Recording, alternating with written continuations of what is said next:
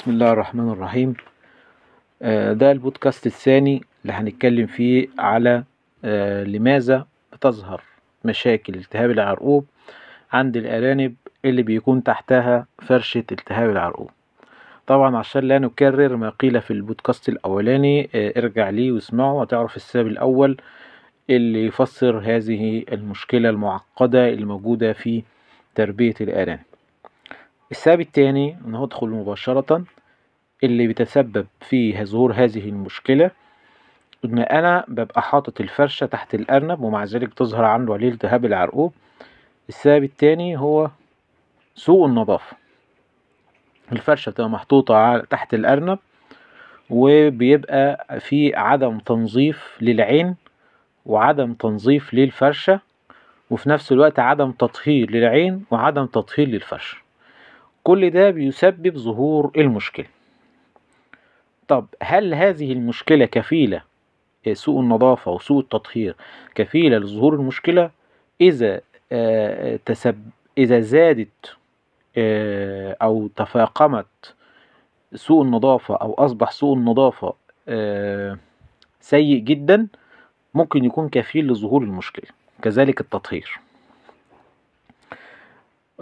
ودي نقطة مهمة جدا آه أحد الأسباب اللي بيخلي الفرشة آه.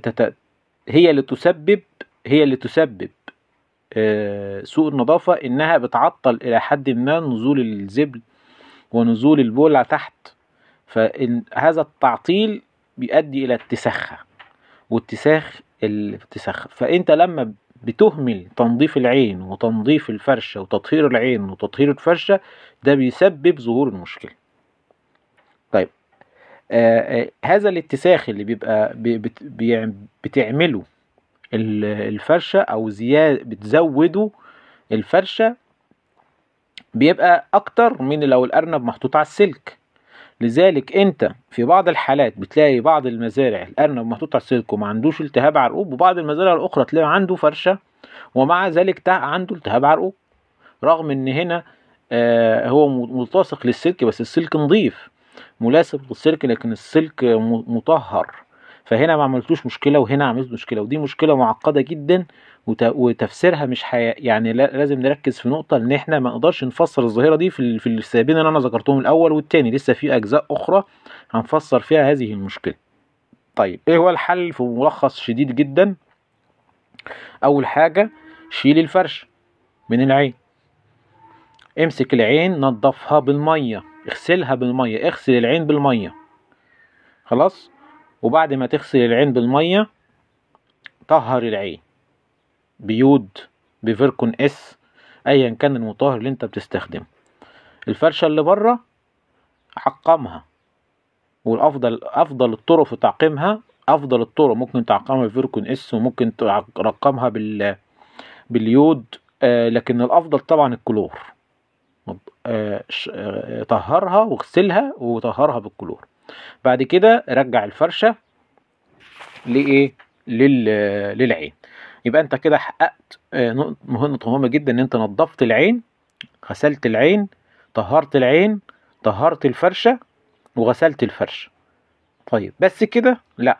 الأهم من ده كله هو التكرار وزياد واللي انت تعمل الموضوع ده مرة كل أسبوع مرة كل عشر أيام. موضوع مش متعب مش مجهد. الإجهاد اللي انت هتعمله في إنك تعالج التهاب العرقوب أكبر من الإجهاد إنك أنت كل أسبوع كل عشرة أيام تغسل العين تطهر العين تغسل الفرشة تطهر الفرشة وترجعها. كده يبقى أنت عملت دور وقائي مهم جدا جدا يمنع لك ظهور المشكلة. يمنع ظهورها. مش تظهر وأنا بعالج لا يمنع ظهور المشكلة.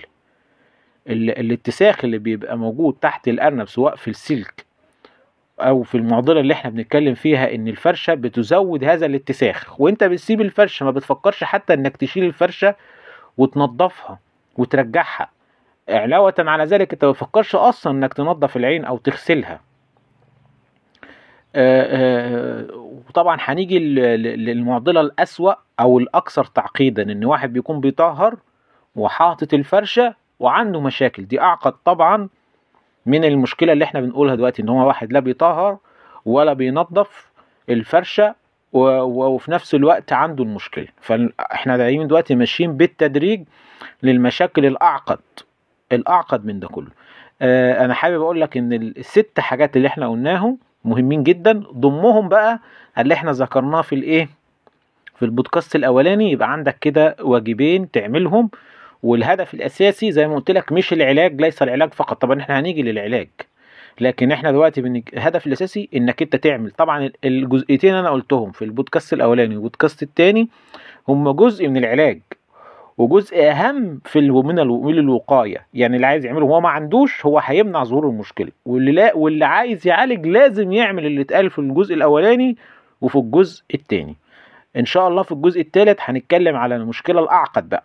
إن أنا بنظف آه، قصدي بطهر وتحته فرشة وذلك عنده المشكلة.